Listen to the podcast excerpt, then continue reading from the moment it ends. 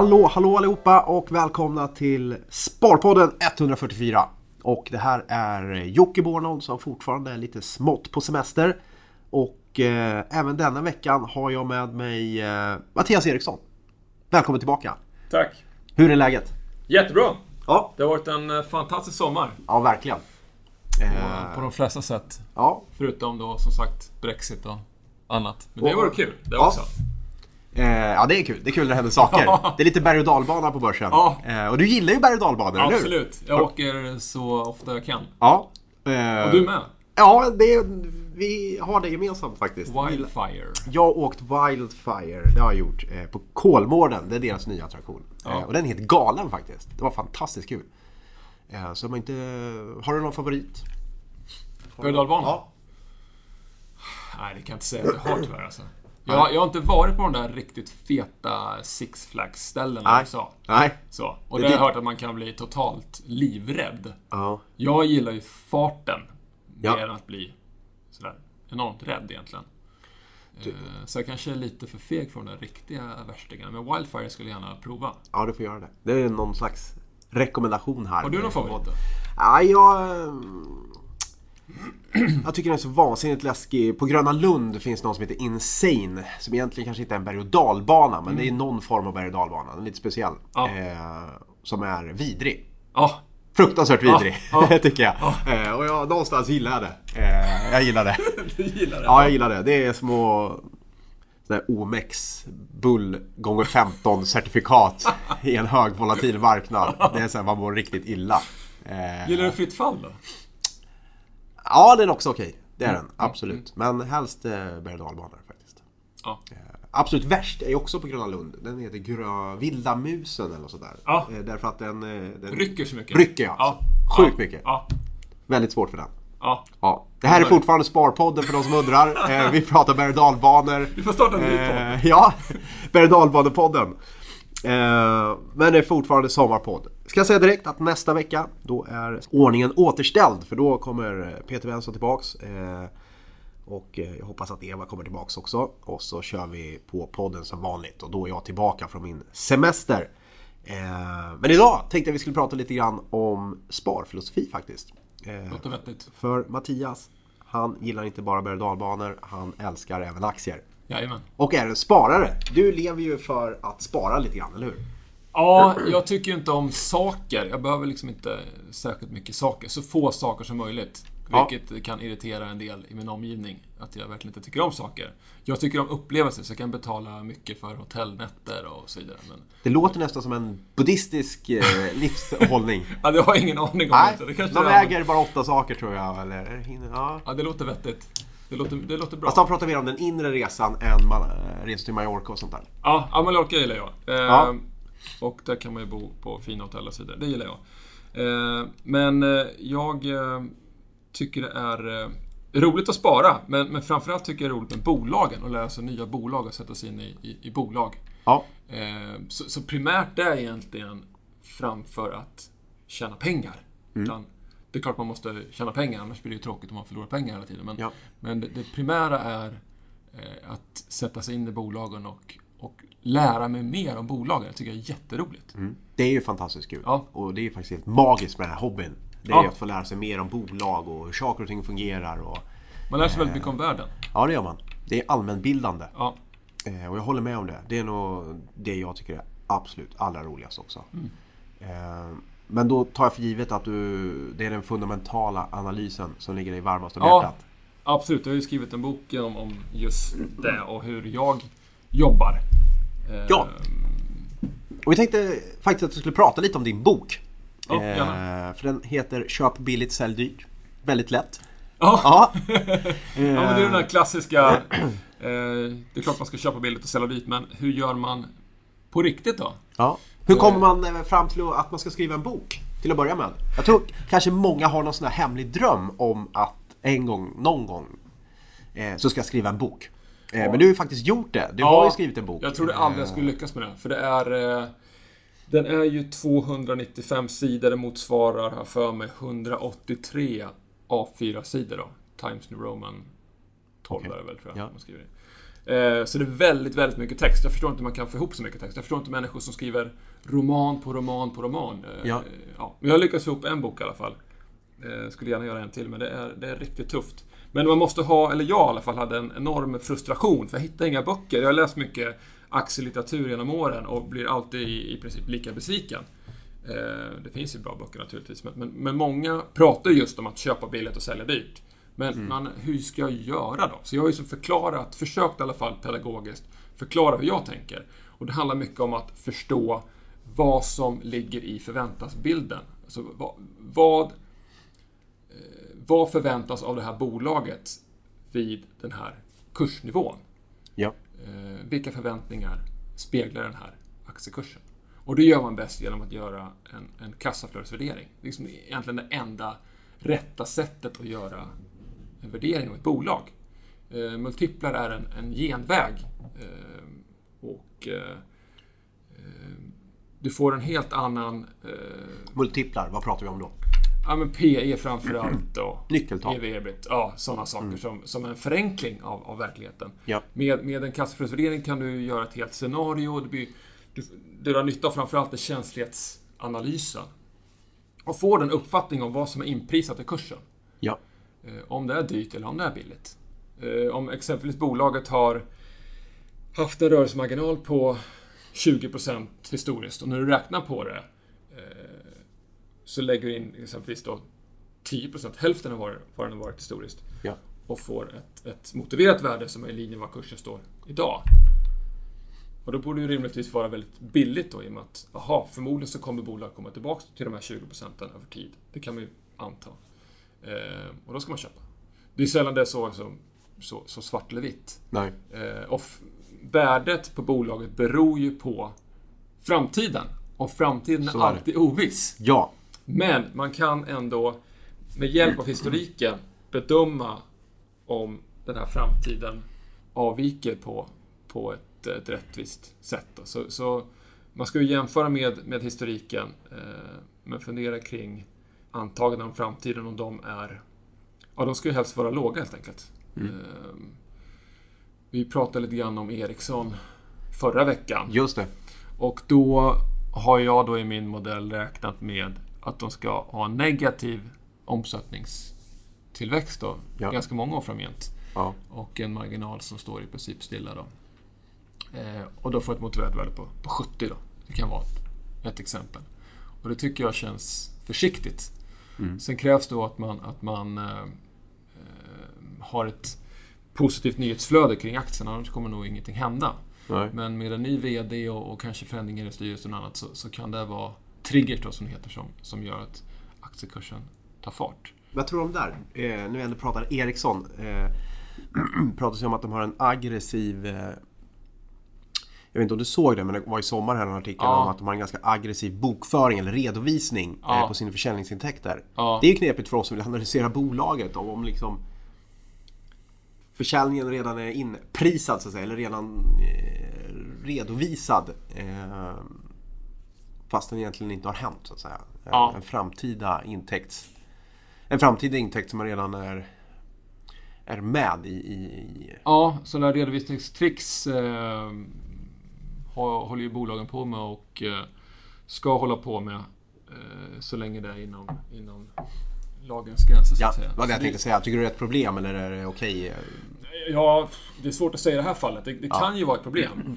Eh, det som är intressant att titta på, som jag brukar titta på, det är ju cash conversion. Alltså hur mycket... Eh, alltså, kassaflödet i relation till vinsten Ja. ska inte avvika allt för mycket. Nej. Det är sällan man får, får eh, all vinst i, i, i kassaflödet, men det ska ligga ändå ganska nära. Ja. Det är kassaflödet som är det viktiga. Ja, För, för vinsten eh, kan man ändå som sagt då mixtra lite grann med. Då. Sen, sen tycker en del redovisningsmänniskor att, att, eh, att det borde säga sådär. Nej. Men, men men det är ju vi, inte vi. aktiemänniskor fokuserar framförallt på Ja. kassaflödet. För det är det, det mest relevanta och, och eh, det som är svårast att påverka så att säga. Då. Eh, stater kan man med, med enkla medel eh, påverka. Då. Så, Just. så fokus på kassaflöde och att eh, vinst och kassaflöde inte avviker särskilt mycket från varandra över tid. För det är en varningssignal Just det. När man läser boken, hur tror du det kommer förändra en? hur man tänker på aktier? Jag vill ju hjälpa människor att bli bättre investerare. Många har ju svårt med det här med, med sparande, tycker det är lite jobbigt, tråkigt. Eh, Jag vill förmedla eh, min energi och allt det positiva som Ja. finns med att spara i aktier. Jag tycker Ja. det är den överlägset bästa sparformen. Ja. Man blir delägare i ett, i ett bolag. Mm. Eh, Så man kan då gå handla i exempelvis H&M är det klassiska exemplet som många Ja. äger. Att man går och köper sina kläder där också. Mm. Eh, Det är, det är jättekul. Eh, Så en överlägsen sparform.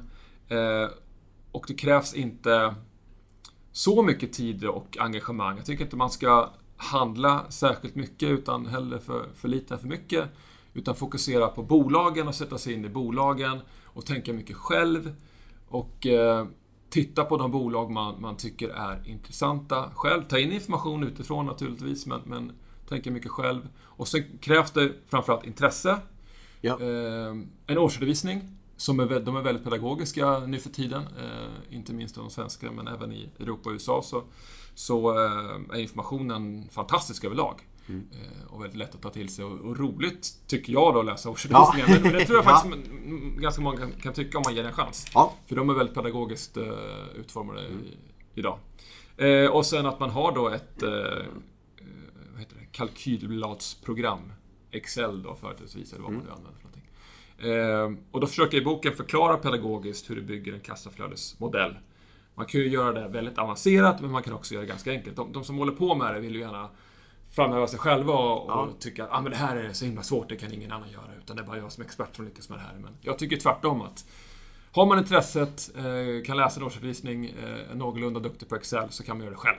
Och komma väldigt långt med det. Och få en uppfattning om vad, vad som är inprisat i aktien med hjälp av en kassaflödesmodell. Och jag försöker i, i boken pedagogiskt förklara eh, hur man gör. Så Ja. hoppas jag, jag lyckas någorlunda.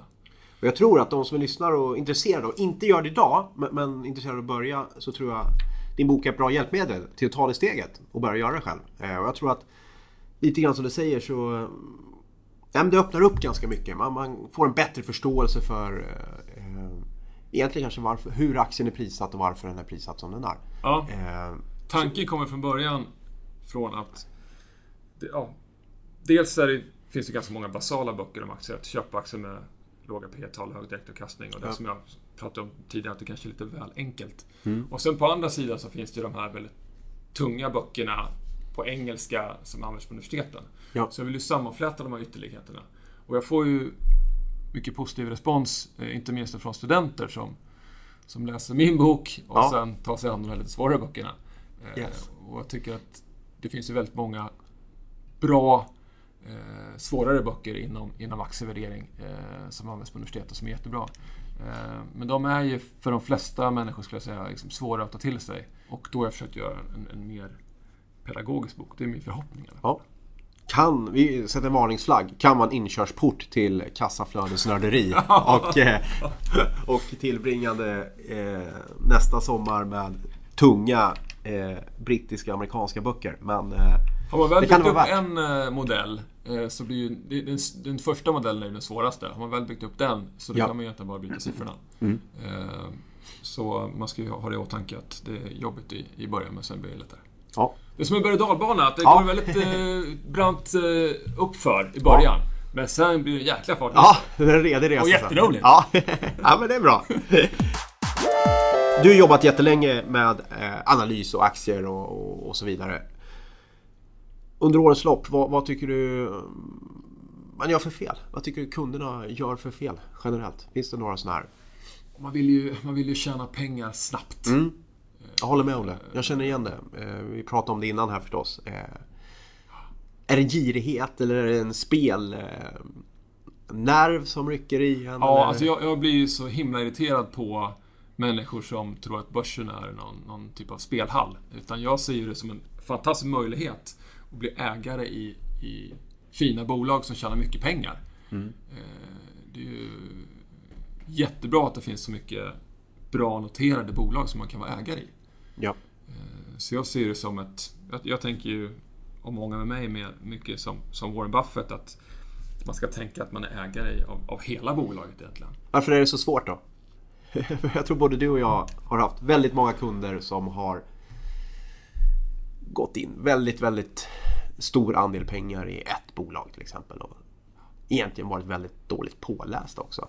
Ehm, Ja, man gör inte hemläxan. För det är nog det som ha- jag har eh, svårast för. Jag har egentligen inga problem med att i, eh, vill du nå bra avkastning, ja det finns några regler. Du ska sprida riskerna, du ska sprida branscher och så vidare. Mm. Men sen finns det de som vill investera i ett bolag. Eh, så fine, det, det får man ju göra liksom. Bara man är medveten om risken. Mm. Ja. Eh, och en del är det. Det är Mm. som eh, entreprenörer som går all in i att starta sitt bolag Mm. och, och satsar hela sin ekonomi på det. Det är okej. Man, man får göra det men man, man ska vara medveten om risken. Ja. Det som är problemet det är alla de som gör det men inte har risktänket. Ja. Eh, och bara kastar sig in i det. Ofta kanske därför att de har en kompis som har sagt att det här är framtiden. Ja, eller, ja. eh, och det är ju lite läskigt. Eh, men det är alltid så. Men varför är det så tror du? Varför blir det så? Många har ju inte intresset av att sätta sig in i bolaget utan bara vill ha pengarna. Ja. Och den där girigheten som är farlig. Utan det, det tar tid att bli rik. Man ska låta det ta tid. Ja. Eh, och låta ränta på ränta-effekten jobba. Mm. Och eh, utnyttja börsens svängningar. Jag brukar säga att börsen är en drama queen. Ja. Eh, för det svänger väldigt mycket upp och ner. Brexit var ett jättebra exempel på det. Att det blir det. total panik i ungefär två, tre dagar. Och Ja. sen är det här helt bort- bortglömt och börsen går upp då Ja. 10% på en vecka eller vad, Ja. vad det nu var. Ja, sådana enormt, enormt tokiga svängningar ska man försöka. Just det exemplet var ju väldigt svårt att, att ta tillvara på. Men, men över, över, eh, överlag så ska man försöka ta tillvara på de här svängningarna och, och tänka så här att, ja men hur, hur går bolagets verksamhet? Ja, den går ju betydligt mer stabilt i regel än vad aktiekursen går. ja. Så är det ju. För det är mycket, mycket drivet av, av spekulation. Det är otroligt svårt att skilja aktier från bolag. Eh, eller bolag. Ja, det, det kan det vara. Utan Man ska ju tänka långsiktigt och vara ägare i bolaget och tänka till varför är jag ägare eh, i det här bolaget och vad kommer eh, driva vinstutvecklingen framgent? Att man verkligen tänker på det. Ja. Eh, Peter Lynch, en, en legendarisk investerare, har sagt Know what you own and know why you own it. Det säger ju allt. Man ska veta vad man äger i, i den mån man kan. Men H&M, Ja. H&M kan man gå in i affärer, man kan ta på kläderna. Har ganska bra eh, uppfattning om, om ägare och så vidare, som är ganska välkända i, i Sverige.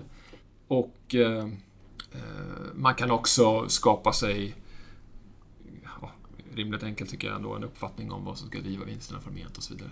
Eh, och så är det i många andra bolag också. Så det blir enklast att att börja med de bolag man känner till. Ja. Eh, de stora svenska bolagen företrädesvis. Men sen kan man ju också lyfta blicken och titta på, jag tycker om att titta på lite mindre bolag som inte är lika genomlysta. Där det ofta finns lite mer potential, lite mer spännande och där man kan eh, jobba, lite, jobba lite hårdare får man göra, men, Ja. få lite mer utväxling. Eh, och också titta på utländska bolag. Ja. Det finns ju fantastiska bolag i framförallt USA. Det finns liksom en uppsjö. Det tar ju aldrig slut på, på bolag som är eh, häpnadsväckande bra. Ja. Eh, och även i Europa finns det en hel del. Så i Sverige, och det har jag märkt under, under alla år, i Sverige är vi på tok för fokuserade på just Sverige.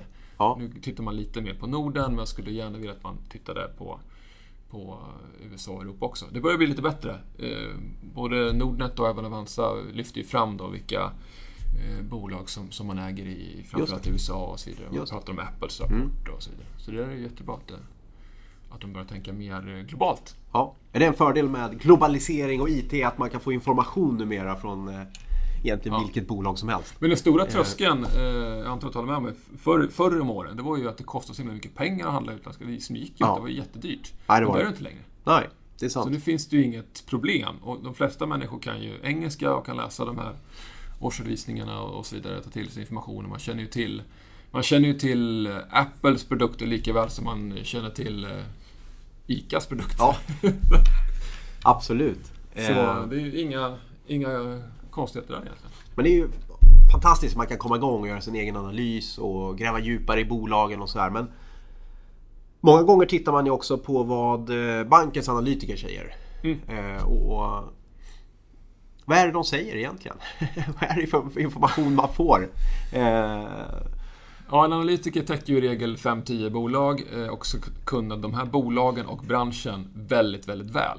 Och jag tycker inte analytikern ska ha en åsikt om aktien egentligen. Jag tycker det är ganska ointressant vad rekommendationen är. Eh, utan man ska Ja. ha dem som ett, ja det är svårt som privatperson att ha dem som, som ett bollplank då, men det är primärt det som... men det är lite det man missar kanske. Ja. Och lite det jag ville komma fram till att vi som privatpersoner, det vi får, Mm. ja, det är ju oftast den här rekommendationen. Ja. Behåll, Ja. köp, eh, strong buy eller Ja. eh, och sen riktkurs. Ja, och det säger inte så mycket. Det säger väldigt lite. Ja. Eh, framförallt för man får sällan vilken tidshorisont till att börja med. Eh, men man får heller aldrig riktigt varför.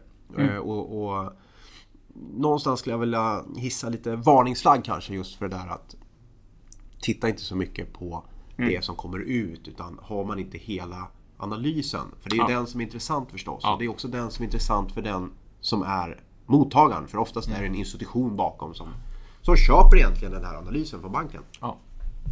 Eh, och ja, Jag kan se det lite som ett problem. Mm. Att i press och så vidare så eh, skrivs det ofta artiklar om det och ibland är det bara notiser. Och, Mm. och det är svårt att inte ta åt sig eh, som privat eh, sparare och sådär. Men, eh, har du några tankar kring det? Tycker du man ska agera där? Ska man bara ignorera det liksom om man inte har Man tycker hela man analysen? ska ju eh, läsa analyser man kommer över, för oftast är det gedigna arbete. Framförallt de här investeringsanalyserna som är ganska omfattande. Det är ju Ja. det är bästa sättet ofta att lära sig bolaget. Ja. Eh, Men om man läser årsredovisningen, om man läser en, en sån eller ett par sådana som kommer i samband med Finns det någon eh, möjlighet att få sådana där? Finns det något trick att komma åt dem? Ja, det är lite synd, men jag tror ändå att storbankerna, om man är kund på storbankerna, tror jag ändå man får den institutionella analysen även som privatperson. Eh, I många fall. Ehm, och analytikerna är ju i regel jätteduktiga Ja. och kan bolagen jättebra.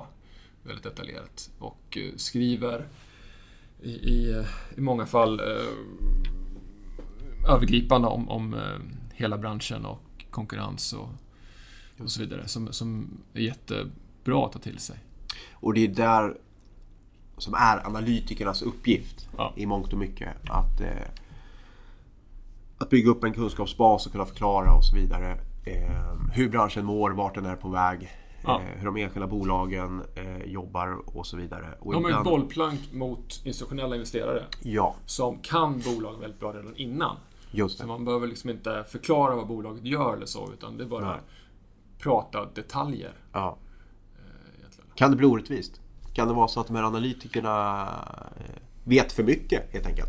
Kan det Ja, finnas en, ja, jag tycker ju inte ett, det. ett jäv liksom? Att, Jag, jag tycker inte det. nej. Eh, Vi har haft en diskussion Ja, faktiskt det. på Twitter tror Vi jag. hade på Twitter, ja, Ja. ja. vi har olika åsikter. Ja. För jag, jag tycker ju att man som privatperson eh, inte ska misströsta för att man inte får träffa bolagen och, och så det. vidare. För att, eh, jag skriver om ett exempel i boken när jag träffade Tom Johnston som var VD på SKF tidigare, eh, Mm. innan Alrik. Eh, och då hade ju de en, eh, ja, de, en, en kartellbot på, det var väl 3 miljarder för mig, var på väg. Ja. Och eh, man visste att någonting var på gång. Men då frågade jag honom vad, vad, vad, vad händer Ja. eh, med den här? Kommer det någon bot eller vad, vad säger EU och så vidare? Nej, men det är ingen nytta. Och sen tror jag det var två, tre veckor efter och så bara smäller det till med 3 miljarder. Så han visste Ja. ju naturligtvis om det. Ja, han, kan ju inte, han kan ju inte säga något det. Nej. För då får ju inte jag samma information som resten av marknaden. Då blir jag Nej. insider. Så, så, Ja. som, de är bakbundna ledningarna. Så Ja. de är ju, ledningarna, är ju- för, framförallt för de, för de större bolagen, är ju jätteduktiga PR-människor, säljer in bolaget, men pratar mycket, i stort sett kring vad som står i ett pressmeddelande om man ska vara lite elak. Mycket roligare att prata med mindre bolag som tycker det är roligt att träffa investerare, inte gör det lika ofta, utan ser det Ja. som en chans att marknadsföra sitt bolag och prata om sitt, sitt bolag som kanske byggt själva och så vidare, som, som de verkligen brinner för. Ja. Eh, och där kan man få mer matnyttig information. Eh, inte någon typ av insiderinformation utan bara rolig, eh, nyttig information om bolaget och, och branschen och även eh, ta tillvara på vad de säger om konkurrenter och, och liknande så, som kan vara intressant. Så då, då tycker jag det är mer relevant. Eh, och problemet blir ofta då att, att visst, de här analytikerna kan, kan eh, eh, bolagen väldigt detaljerat, men det gör de inte till bättre stockpickers. Absolut inte. För jag, jag vet det själv när jag var analytiker, man, man, Ja. man, man ser inte man ser inte, vad säger man? ser inte skogen. Man ser inte skogen för alla Eller träden. träden. Ja. Ja. Något sånt. Jag hoppas att lyssnarna försöker, prata med Ja. Men man blir, man blir väldigt fokuserad på sin sektor och ser Ja. helheten. Nej. Utan man, man tycker de här bolagen som man köper, det är liksom världens bästa bolag, alla ska äga dem. Mm. Ja, men det kanske inte är de bästa bolagen i ett större perspektiv. Mm. Och du behöver inte ha de här detaljkunskaperna för att välja rätt aktier. Det kan Nej. till och med vara en nackdel att du, att du eh, blir för insyltad i vissa bolag. Utan Ja. lyft blicken lite, bra, Ja. lite grann och köp bra bolag billigt. Yes. Och då måste du veta vad, vad är ett bra bolag och vad är, vad är billigt. Det, det är mycket där det handlar om. Du behöver inte kunna alla de här detaljerna. Du behöver inte göra det till en bättre investerare. Nej. Så det, jag, jag ser ingen större nackdel att informationsskillnaden på en privatperson och, Ja. och ett proffs har ju minskat enormt på Det har det gjort. Så det, det är ju, Verkligen. du är ju egentligen ingen... Och det är positivt. Jag till exempel, när jag, när jag, jobbade på Nordea så var jag den enda eh, i min grupp som inte hade en Bloomberg-terminal. För jag tyckte det var... Jag, jag kommer liksom bli hooked. Det är en fantastisk informationskälla. Ja. Men eh, sen när jag inte har den då, då kommer jag vara helt naken. Ska jag, Ja. kännas.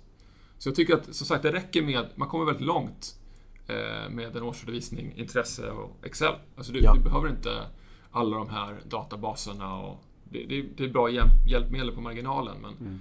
men det är inte säkert att du tjänar mer pengar för det. Nej. Så misströsta inte som privatperson. Yes. Bra ord! Jag gillar dem. Och jag håller med dig. Jag håller med dig. Eh, ibland går man lite för långt, man gräver för djupt. Eh, det är inte alltid man behöver göra det.